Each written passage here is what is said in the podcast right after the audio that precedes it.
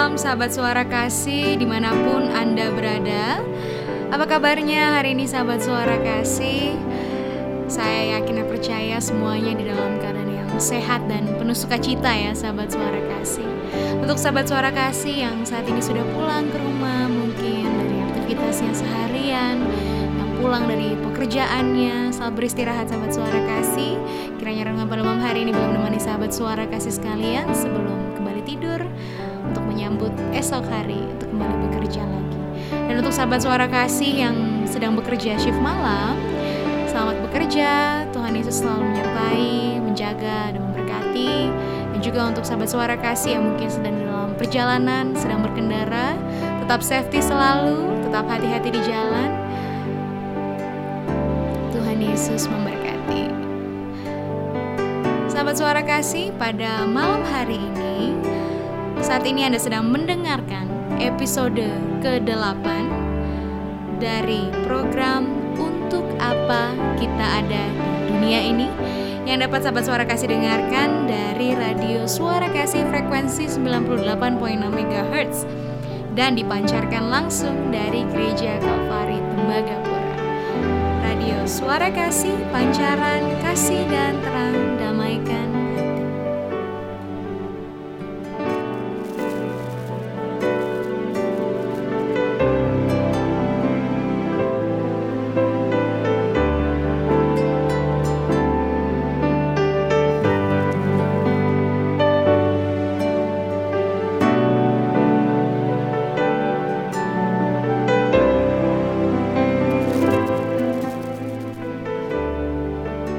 Sahabat suara kasih, pada episode ke-8 hari ini pembacaan kita berjudul Dirancang untuk Kesenangan Tuhan. Dan bersama dengan saya Mika, kita akan bersama-sama mendengarkan pembacaan ini selama kurang lebih 45 hingga 50 menit ke depan. Kita akan bersama-sama membaca, mendengarkan, serta mencari tahu apa sih yang menjadi tujuan dan makna kita semua ada di dunia ini yang tentunya disertai juga dengan kebenaran firman Tuhan ya sahabat suara kasih. Namun sahabat suara kasih, sebelum kita memulai mendengarkan pembacaan kita pada hari ini lebih jauh lagi, mari kita satukan hati kita, mari kita bersatu di dalam doa. Saat malam Bapa, saat malam Tuhan Yesus, saat malam Roh Kudus, kembali kami menyapa kehadiratmu yang kudus dan mulia.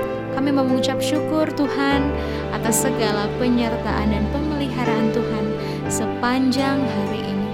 Terkhusus pada saat ini Tuhan, kami akan mendengarkan sebagian daripada perenungan.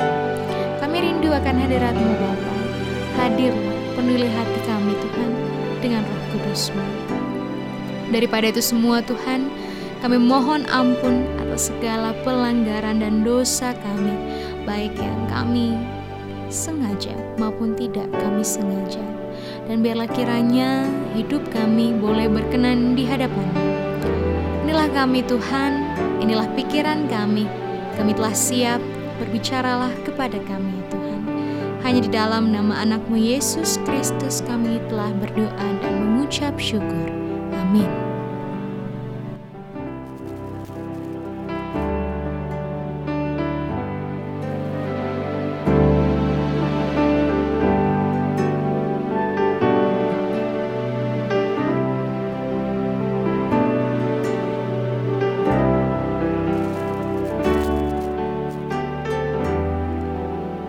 Sahabat suara kasih, sesuai dengan bacaan kita pada saat ini, kita sama-sama mau mendalami makna kehidupan kita yang dirancang untuk kesenangan Tuhan.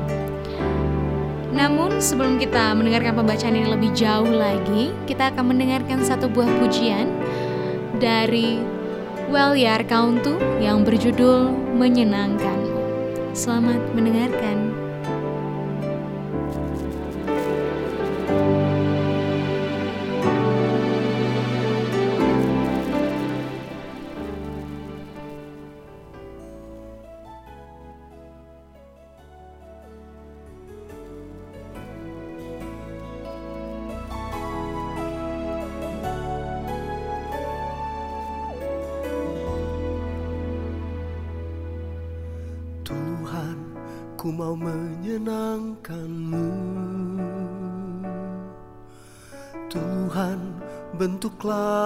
Hati ini.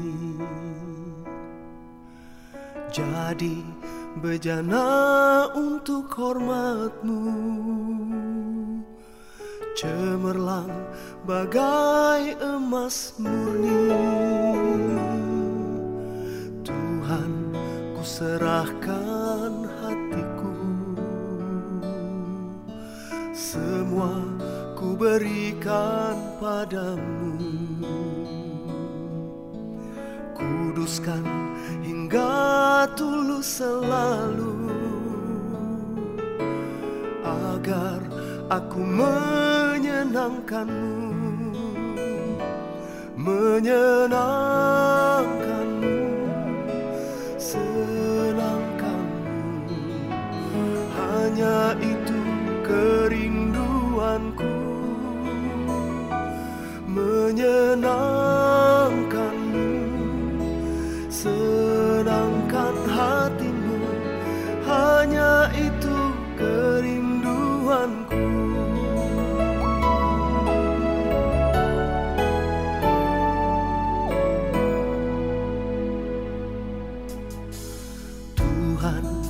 serahkan hatiku. Semua ku berikan padamu. Kuduskan hingga tulus selalu. Agar aku menyenangkanmu Menyenangkanmu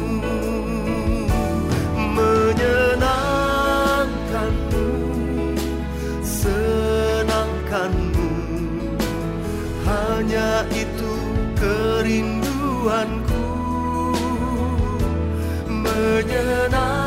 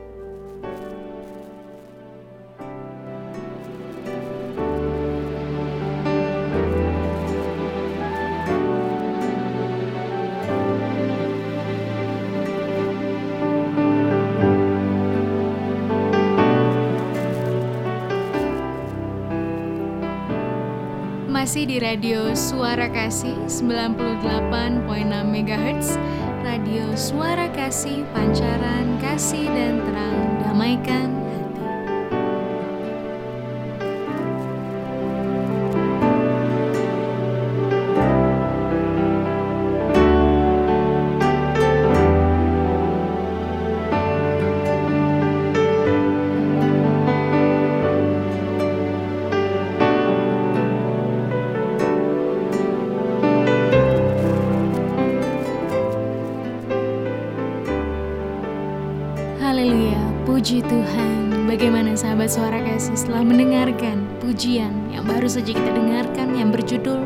Menyenangkanmu.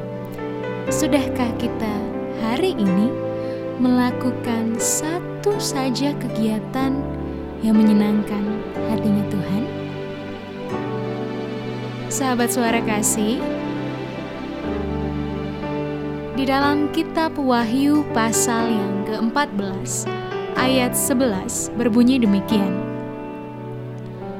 Engkau telah menciptakan segala sesuatu dan semua ada untuk kesenangan.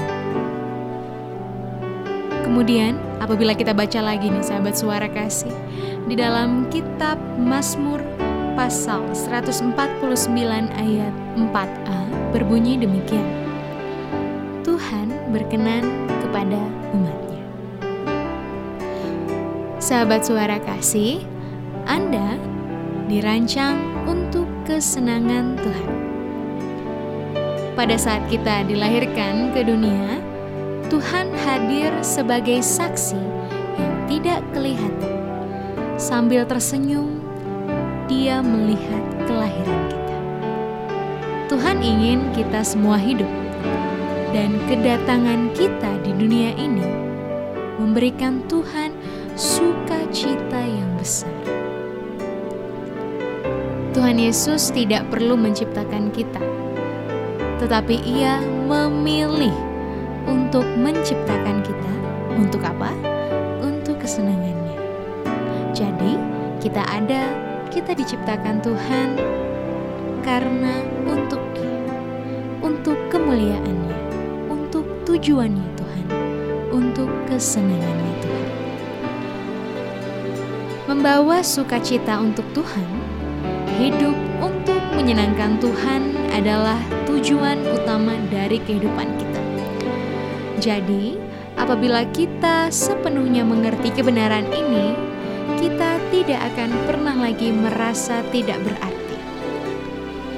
Dan hal ini menunjukkan betapa berharganya kita, sahabat suara kasih. Jadi, jika kita saja begitu penting bagi Tuhan dan Ia menganggap kita berharga untuk tinggal bersamanya sampai dengan di kekekalan, apalagi yang dapat kita anggap lebih penting daripada itu? Kita tahu bahwa kita adalah anak Tuhan dan kita membawa sukacita bagi Tuhan lebih dari apa pun yang Ia ciptakan. Sahabat suara kasih, di dalam kitab Efesus pasal 1 ayat yang kelima berbunyi demikian. Dalam kasih, ia telah menentukan kita dari semula oleh Yesus Kristus untuk menjadi anak-anaknya sesuai dengan kerelaan kehendaknya. Jadi sahabat suara kasih, salah satu karunia terbesar yang telah diberikan Tuhan kepada kita adalah kemampuan untuk menikmati hiburan. Tuhan merajut kita dengan berbagai panca indera dan juga emosional sehingga kita bisa merasakan, kita bisa mengalaminya. Tuhan Yesus ingin kita menikmati hidup sahabat suara kasih. Bukan hanya sekedar menjalaninya. Jadi Tuhan ingin hidup kita tuh tidak flat, tapi dinamis. Dan alasan kita dapat menikmati kesenangan ini yaitu karena Tuhan menciptakan kita serupa dengan Dia. Kadangkala ya sahabat suara kasih, pasti kita sering kali lupa bahwa Tuhan juga memiliki emosi. Tuhan juga merasakan segala sesuatu dengan sangat mendalam. Di dalam Alkitab berkata bahwa Tuhan merasakan yang namanya berduka, cemburu, marah, berbelas kasihan, iba, sedih, dan simpati. Sama halnya juga merasakan yang namanya bahagia, sukacita, dan puas. Tuhan juga mengasihi. Dia juga merasakan senang dia merasakan mendapatkan kesenangan. Tuhan merasakan yang namanya bersuka cita. Tuhan merasakan yang namanya menikmati. Bahkan Tuhan juga pernah tertawa sahabat suara kasih. Jadi, sahabat suara kasih, membawa kesenangan untuk Tuhan disebut menyembah. Apabila kita baca di dalam kitab Mazmur pasalnya yang ke-147 ayat yang ke-11 berbunyi demikian. Tuhan disukakan oleh mereka yang menyembah dia dan percaya kepada kasih. Tuhan disukakan oleh mereka yang menyembah dia dan percaya kepada kasihnya. Jadi, apa pun yang kita lakukan yang mendatangkan kesenangan untuk Tuhan itu adalah suatu tindakan penyembahan. Sama halnya seperti berlian, penyembahan mempunyai banyak sisi ya sahabat suara kasih dan akan diperlukan mungkin referensi dari berbagai sumber untuk mengerti apa sih arti penyembahan. Namun di dalam bagian pembacaan kita saat ini, kita hanya akan melihat aspek-aspek utamanya tentang penyembahan. Ahli antropologi mencatat demikian sahabat suara kasih, bahwa penyembahan adalah dorongan universal yang dirancang oleh Tuhan dan ditaruh di dalam diri manusia untuk suatu kebutuhan yang timbul dari dalam untuk terhubung dengan Tuhan. Dan penyembahan ini bersifat alami, sama seperti makan atau bernapas. Jadi, penyembahan ini sangat penting, sahabat suara kasih. Bayangkan, kita di dalam hidup butuh makan. Kita pastinya perlu bernafas untuk hidup. Demikian halnya melakukan penyembahan. Jadi ketika kita gagal menyembah Tuhan, maka kita akan mencari pengganti. Sekalipun itu akhirnya adalah diri kita sendiri. Makanya mungkin kita pernah mendengar ada yang berkata, diri kita lah korban persembahan bagi Tuhan. Kita mungkin gak bisa menyembah, memberikan, persembahkan hal-hal yang mahal, yang besar, tapi kita bisa memberikan diri kita sepenuhnya untuk Tuhan. Dan alasan mengapa Tuhan menciptakan kita dengan keinginan ini adalah karena Ia menginginkan penyembah-penyembah. Tuhan layak untuk disembah, sahabat suara kasih. Dan Yesus berkata, Bapa mencari penyembah-penyembah. Ini terdapat di dalam kitab Yohanes pasal yang keempat ayat yang ke-23.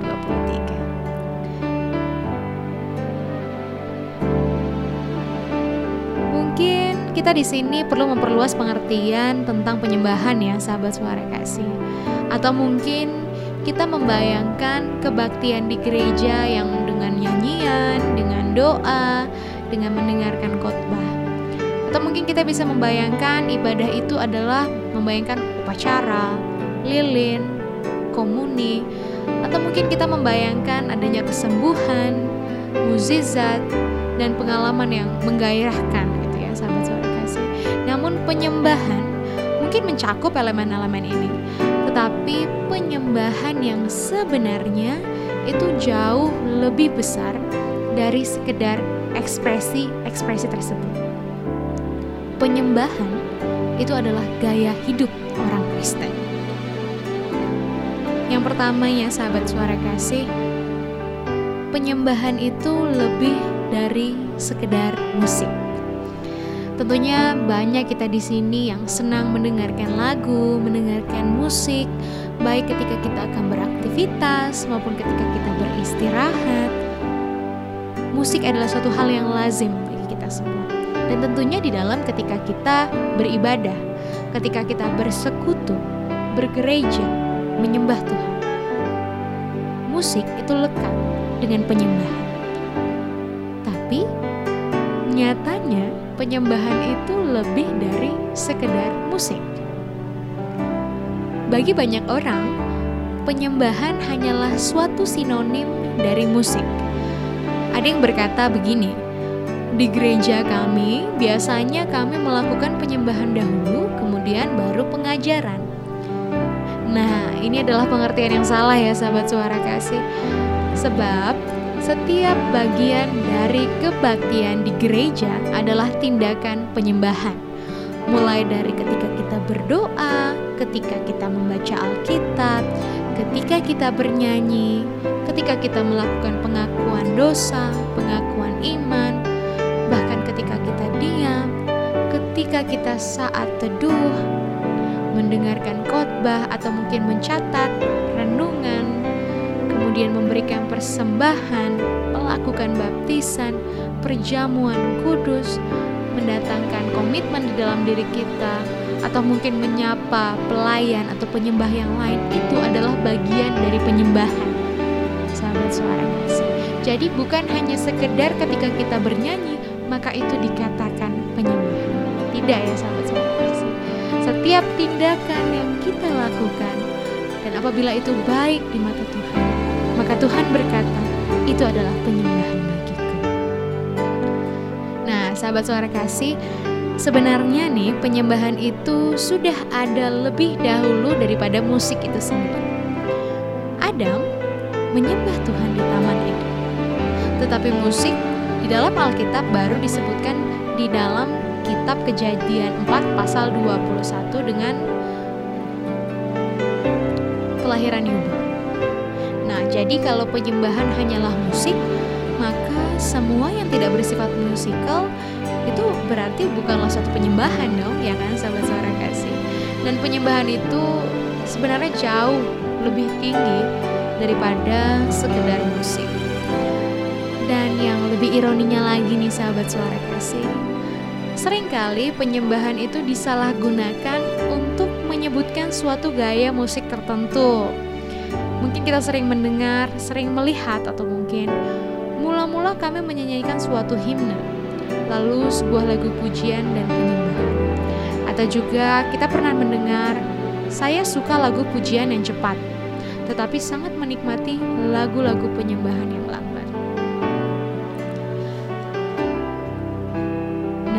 Dalam penggunaan ini, sebenarnya jika sebuah lagu itu berirama cepat atau keras dengan instrumen tiup, itu dianggap sebagai praise atau dalam artian pujian. Tetapi jika berirama pelan, tenang, dan akrab, mungkin hanya diiringi oleh gitar atau piano, itu disebut penyembahan. Nah, di sinilah yang disebut keliru. Ini adalah suatu kekeliruan dalam memakai istilah penyembahan bagi Tuhan. Penyembahan sama sekali tidak berkaitan dengan gaya atau volume atau kecepatan sebuah lagu. Saya pribadi sahabat suara kasih saya juga sering mengalami yang seperti ini ya sahabat suara kasih. Mungkin karena selera musik saya bukan yang terlalu upbeat, yang terlalu cepat, saya lebih cenderung lebih suka musik yang slow, yang lambat, yang ballad gitu. Sehingga saya kadang merasa oh saya lebih tentram, lebih damai hatinya mendengarkan pujian-pujian tersebut dan saya terkadang salah tafsir mengenai pujian. Dan hari ini kita sama-sama ditegur, sama-sama diingatkan bahwa penyembahan tidak berkaitan dengan apa pun gaya, volume, atau ritme dari sebuah lagu. Tuhan Yesus pada dasarnya suka pada semua jenis musik karena dialah yang menciptakannya. Mau cepat, baik itu lambat, mau itu keras ataupun pelan, baik itu lagu yang lama ataupun lagu yang baru, Tuhan menyukai itu semua. Barangkali sahabat suara kasih, dan saya pribadi juga merasakannya, saya mungkin tidak menyukai lagu pujian yang saya lebih suka lagu pujian yang Tetapi Tuhan tidak pernah berkata demikian. Tuhan suka semua pujian yang menyatakan penyembahan baginya. Jadi, selama musik itu, lagu itu, alunan itu dipersembahkan kepada Tuhan di dalam roh dan kebenaran, maka bagi Tuhan itu adalah tindakan penyembahan. Kemudian nih sahabat suara kasih, orang-orang Kristen itu sering bertentangan dengan gaya musik yang dipakai di dalam suatu penyembahan. Dan terkadang dengan teguh mempertahankan gaya yang mereka sukai sebagai yang paling dirasa alkitabiah atau itulah yang paling. Tetapi pada kenyataannya tidak ada yang bergaya alkitabiah. Tidak ada catatan-catatan musik di dalam Alkitab. Kita bahkan tidak memiliki instrumen musik yang dipakai pada zaman Alkitab. Terus terang, gaya musik yang mungkin masing-masing kita sukai itu lebih berbicara tentang diri kita atau selera kita di dalam musik. Latar belakang dan juga mungkin kepribadian kita dibandingkan dengan Tuhan. Suatu grup etnik musik mungkin kedengaran seperti suara yang ribut bagi orang lain. Tetapi Tuhan menyukai berbagai variasi tersebut dan menikmati semuanya itu. Jadi, tidak ada musik yang disebut Kristen, yang ada hanyalah lirik Kristen. Kata-katanya lah yang membuat sebuah lagu menjadi sakral, nadanya. Tidak ada nada rohani, sahabat saya kasih. Jadi ketika saya memainkan sebuah lagu untuk kita tanpa kata-kata, maka kita juga tidak tahu apakah itu adalah lagu rohani atau tidak.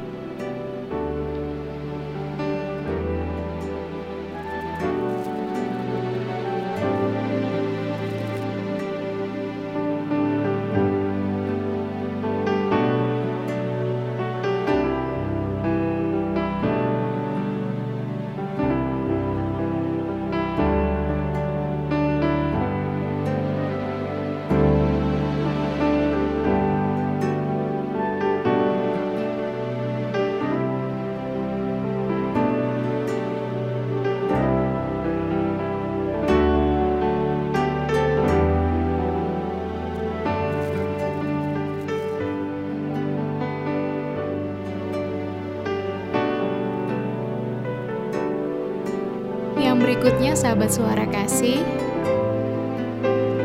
Penyembahan itu tidak dimaksudkan hanya untuk kepentingan kita pribadi semata. Jadi maksudnya begini sahabat suara kasih. Mungkin terkadang ada dari kita yang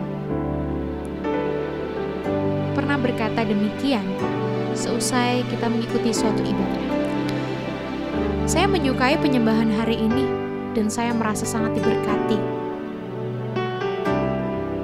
Sahabat suara kasih, pernah nggak kita tanpa sadar berkata demikian? Tanpa kita sadari, sahabat suara kasih, ini merupakan suatu kekeliruan juga, suatu salah pengertian tentang penyembahan. Penyembahan tidak dimaksudkan untuk kepentingan kita. Jadi, ketika kita menyembah untuk kepentingan Tuhan, ketika kita menyembah, tujuan kita adalah membawa kesenangan untuk Tuhan, bukan untuk diri sendiri. Jika kita pernah berkata, "Aku tidak mendapat apa-apa dari penyembahan hari ini," maka kita telah menyembah dengan alasan yang penyembahan yang kita lakukan bukanlah untuk kita. Penyembahan yang kita lakukan itu untuk Tuhan. Tentu saja, kebanyakan dari kebaktian penyembahan juga mencakup elemen untuk bersekutu, membangun, dan menginjili, dan memang ada manfaatnya. Tetapi satu hal yang perlu kita sadari dan perlu kita ingat bahwa kita melakukan penyembahan bukan untuk menyenangkan diri kita sendiri. Motivasi kita adalah untuk membawa kemuliaan dan membawa kesenangan bagi pencipta kita, Tuhan Yesus. Di dalam kitab Yesaya 29, Tuhan mengeluh tentang penyembahan yang setengah hati dan munafik. Banyak orang mempersembahkan kepada Tuhan doa-doa yang basi, pujian yang tidak tulus kata-kata yang maknanya kosong, dan ritual buatan manusia tanpa berpikir tentang artinya.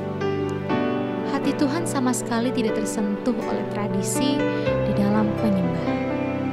Justru Tuhan tersentuh oleh gairah dan. Apabila kita membaca di dalam kitab Yesaya pasal yang ke-29 ayat 13 berbunyi demikian. Bangsa ini datang mendekat dengan mulutnya dan memuliakan aku dengan bibirnya.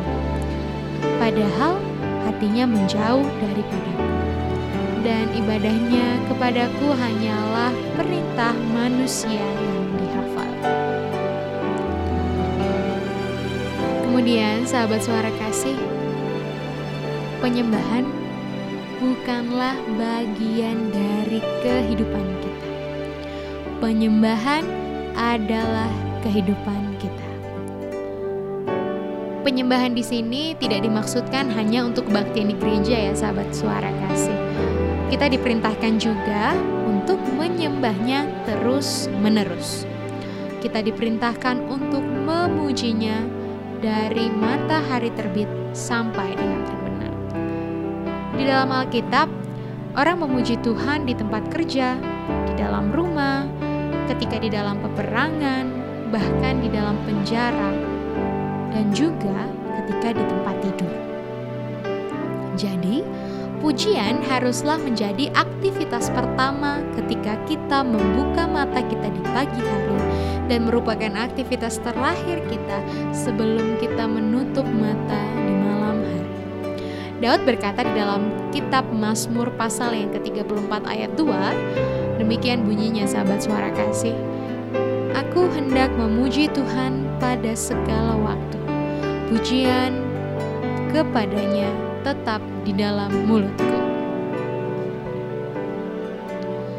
Jadi, sahabat suara kasih, setiap kegiatan kita itu dapat diubah menjadi tindakan penyembahan ketika kita melakukannya untuk memuji, untuk memuliakan dan menyenangkan hatinya Tuhan. Tidak boleh ada dasar lain, tidak boleh ada tujuan lain selain hal tersebut. Alkitab juga berkata di dalam kitab 1 Korintus 10 ayat yang ke-31, demikian bunyinya. Jika engkau makan atau jika engkau minum atau jika engkau melakukan sesuatu yang lain, lakukanlah semuanya itu untuk kemuliaan Tuhan. Kemudian Martin Luther berkata demikian, Gadis pemerah susu sapi dapat memerah untuk kemuliaan Tuhan. Jadi bagaimana mungkin kita dapat melakukan segala sesuatu untuk kemuliaan Tuhan? Yaitu dengan melakukan segala sesuatu seolah-olah kita melakukannya untuk Yesus dan juga dengan melakukan percakapan yang terus-menerus dengannya sementara kita melakukannya. Sahabat suara kasih apabila kita membaca di dalam Alkitab Kolose pasalnya yang ketiga ayat yang ke-23 berbunyi demikian. Apa pun juga yang kamu perbuat, perbuatlah dengan segenap hatimu seperti untuk Tuhan dan bukan untuk manusia. Inilah rahasia dari gaya hidup penyembah, yaitu melakukan segala sesuatunya seolah-olah kita melakukannya untuk Yesus. Alkitab versi The Message mengatakannya dengan cara begini. Bawalah kehidupanmu yang biasa sehari-hari. Tidur, makan, bekerja, dan apa pun dalam hidup. Dan letakkanlah itu di hadapan Tuhan sebagai persembahan. Ini ada di dalam kitab Roma pasal yang ke-12 ayat 1. Jadi sahabat suara kasih, pekerjaan menjadi penyembahan ketika kita mendedikasikannya untuk Tuhan dan melakukannya dengan kesadaran akan kehadiran Tuhan.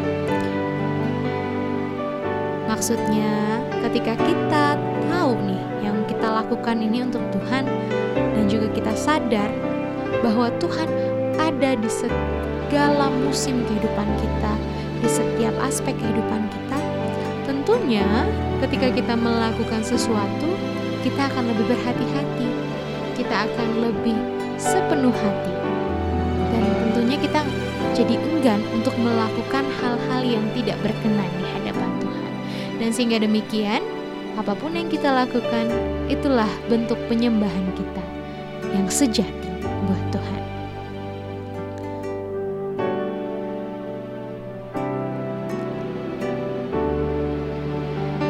Dan percayalah sahabat suara kasih, ketika kita membiasakan diri kita melakukan segala sesuatu untuk kemuliaan Tuhan, untuk kesenangannya Tuhan, maka kita sedang tinggal di dalam cintanya. Dan inilah penyembahan yang sebenarnya. Ketika kita pada akhirnya terikat, bergantung, dan jatuh cinta kepada Yesus. Maka pertanyaannya untuk menutup renungan kita pada malam hari ini, sahabat suara kasih. Kira-kira kegiatan apakah yang dapat mulai kulakukan seolah-olah aku sedang melakukannya untuk Yesus? Mari kita renungkan bersama-sama ya sahabat suara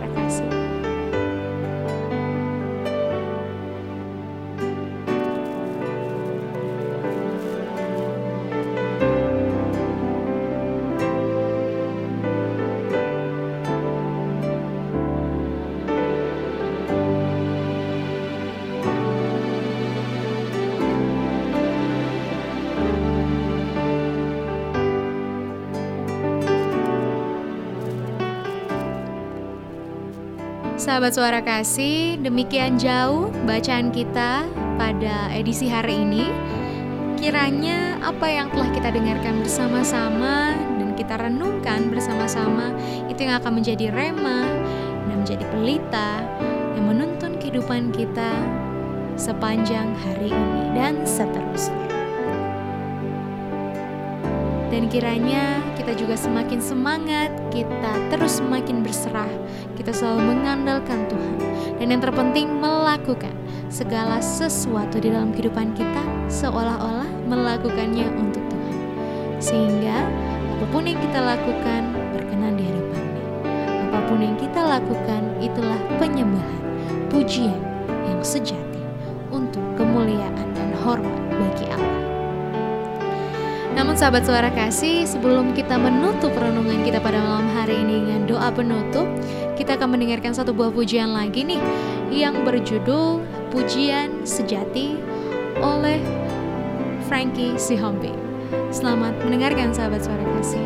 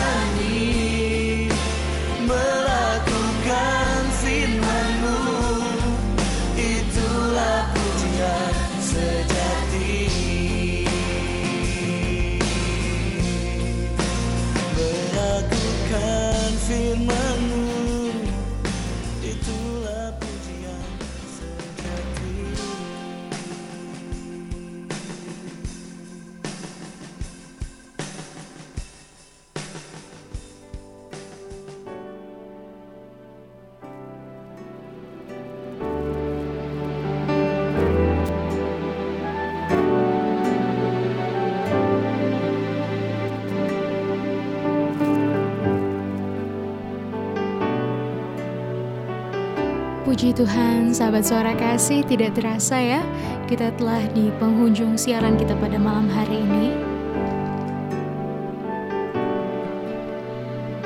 Maka sebelum kita mengakhiri siaran kita, mari kita bersatu di dalam doa. Puji syukur hormat bagi namamu Bapa. Terima kasih atas segala berkat, kasih karunia yang boleh Tuhan berikan ke dalam kehidupan kami. Bersyukur Tuhan kalau pada malam hari ini kami telah selesai mendengarkan sebagian daripada perenungan firman Tuhan. Terima kasih Tuhan, kiranya melalui bacaan kami, kami boleh semakin diingatkan untuk terus melakukan segala sesuatu dengan tujuan untuk menyenangkan hatimu. Dan biarlah kiranya Tuhan melalui penyembahan-penyembahan dalam berbagai bentuk. Itulah yang menjadi hormat dan kemuliaan bagi nama Tuhan. Bapak yang baik, kami juga mau berdoa untuk orang-orang di luar sana yang mungkin pada saat ini belum bisa mendengarkan firman Tuhan. Kiranya mereka dapat mengetahui kebenaran-Mu, baik melalui radio suara kasih maupun melalui media lainnya. Sehingga kiranya nama Tuhan boleh selalu semakin ditinggikan. Kami juga mau berdoa untuk tempat kami bernaung, PT Freeport Indonesia, kontraktor privatisasi dan negara kami, Republik Indonesia serta tanah kami tercinta, tanah Papua. Untuk para pemimpin-pemimpin di dalamnya dan seluruh jajarannya, kiranya Tuhan berkenan memberikan mereka hikmat di dalam mengemban segala tanggung jawab yang ada. Bapak yang baik, kami juga percaya bahwa kehidupan kami selalu ada di dalam pemeliharaan Tuhan. Sekalipun kami goyah, sekalipun kami terkadang lupa akan Engkau, Tuhan tidak pernah meninggalkan kami. Bapak pada saat ini kami memohon kepada Engkau, kiranya Tuhan senantiasa melawat kami. Kiranya Tuhan menyertai kami. segala pergumulan kami ya Tuhan, baik sakit penyakit, bencana, pergumulan kami, di dalam segala aspek kehidupan kami, Tuhan yang paling mengetahui, Tuhan yang paling mengerti, Tuhan yang mendalami kedalaman isi hati kami. Dan kami percaya setiap langkah kehidupan kami tidak pernah lepas dari tanganmu. Dan kami akan terus berserah. Kami percaya Tuhan selalu menopang dan menolong kami di dalam menjalani kehidupan kami. Bapak yang baik, kami juga mau berdoa untuk gereja kami, Gereja GKI Kalvari Tembagapura, untuk Radio Suara Kasih, baik seluruh program yang ada di dalamnya maupun para penyiarnya serta seluruh pelayan yang terlibat. Kiranya Tuhan Yesus senantiasa memampukan, Tuhan Yesus senantiasa menyertai di dalam setiap pelayanan sehingga boleh berkenan untuk hormat dan kemuliaan. Daripada itu semua Tuhan, kami juga sadar bahwa kami adalah manusia yang tidak luput dari dosa. Kami masih sering kali melakukan pelanggaran yang mendukakan hatimu. Ampuni kami Tuhan, layakkan kami di hadapanmu. Biarlah kami boleh berkenan di hadapan Tuhan. Apabila setelah ini Tuhan, kami akan melanjutkan aktivitas kami. Baik kami beristirahat di tempat kami, maupun kami yang sedang dalam perjalanan, ataupun kami yang sedang bekerja. Tuhan yang menyertai kami. Kiranya Engkau berkenan menjaga kami, menuntun kami, agar apa pun yang kami lakukan, bahkan pekerjaan yang kami lakukan, itu boleh menjadi alat untuk kemuliaan. Terima kasih Tuhan, inilah kami, inilah doa kami yang masih jauh dari sempurna. Percaya Tuhan yang menyempurnakannya itu, Tuhan yang melengkapi doa kami ini. Hanya di dalam nama anakmu Yesus Kristus, kami telah berdoa dan mengucap syukur. Haleluya, puji Tuhan, amin.